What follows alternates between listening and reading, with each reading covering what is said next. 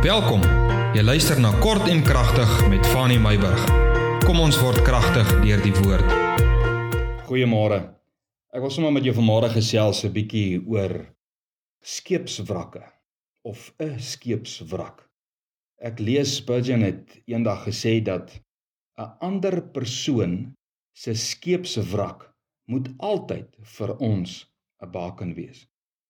Jy weet wanneer jy 'n skeepswrak sien, dan moet jy weet iewers het iets skeef geloop.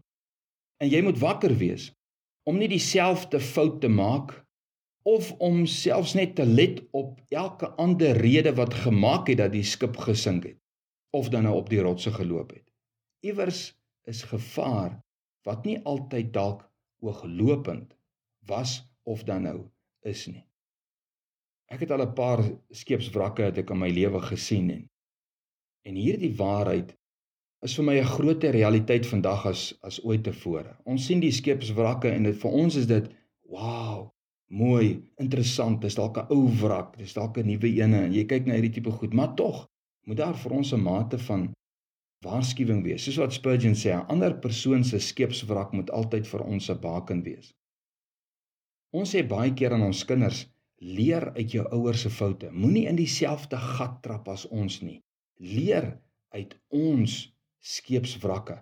En ek praat nou nie vanmôre oor die skeepswrak wat net daar by die see lê nie, nee, ek praat van mense. Jy weet Abraham en die aardsvaders, hulle het gefouteer. Israel in geheel het foute gemaak. Die konings het foute gemaak. Profete het gefouteer. Petrus het gefouteer. Judas het gefouteer. En so kan ons op die strand van die Bybel stap en na almal se skeepswrakke kyk. So kan ek en jy vandag na baie mense kyk op die strand van baie mense se lewens. Kan ons gaan kyk en kan ons sien hoe die skeep skeepswrakke lê. Hulle skeepswrakke het nie gestrand sodat ons moet neerkyk op hulle foute nie, nê? Maar dat ons lering daaruit sal put. Dit is Spurgeon se gedagte. Die skeepswrak lê daar nie sodat ons uit hoogmoed uit 'n posisie van hoogmoed kan afkyk na ander en sê hierdie ou het dit en dit gedoen en dit is hoekom hy daar is nie.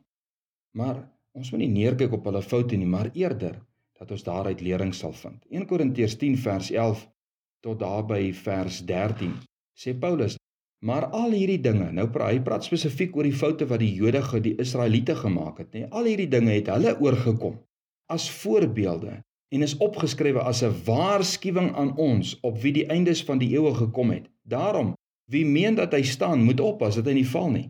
Geen versoeking het julle aangegryp behalwe 'n menslike nie, maar God is getrou.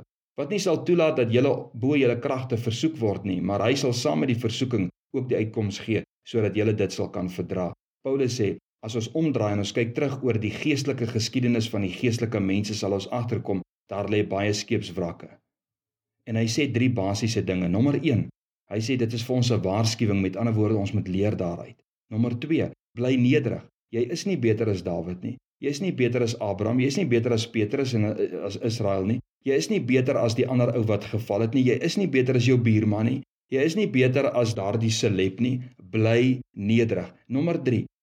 Saam met hierdie uitdaging wat gaan kom en saam met hierdie krisis wat dalk op hande is, die storm waarin jy jouself in bevind. Die Here sê, jy sal ook nie bo jou kragte versoek word nie. Jy sal dit kan verdra. Met ander woorde, dit wat Israel oorgekom het, die rede hoekom hulle skeepswrakke is, is nie omdat hulle bo hulle kragte versoek was nie, dit is net 'n kwessie van hulle afhanklikheid van die Here was gekortwiek in hulle eie geestelike lewe. Maar die Here sê, alle versoekings wat na ons kant toe kom, ons sal dit kan verdra. Die Here sal ons die vermoë gee. God is getrou sodat hy nie sal toelaat dat ons bo ons kragte versoek sal word nie. Met ander woorde, wat sê dit? Ons sal die versoeking kan verdra. Dit sê nie dit sal nie kom nie. Die guns van die Here, die getrouheid van die Here gaan nie verhoed dat versoeking kom nie, maar die getrouheid van die Here sal maak dat ons die versoeking sal kan verdra. Kind van die Here, kom ons bly nederig voor die hand van die Here. Ander ou maak foute. Jy sien sy skeepswrak, maar moenie dink dat dit jou nie sal oorkom nie. Moenie dink dat jy so goed en wonderlik is dat daardie selfe versoeking nie na jou kant toe sal kom nie. Bly nederig voor die Here, wees gewaarsku, leer daaruit en bly in die genade van die Here. Alles wat mooi is.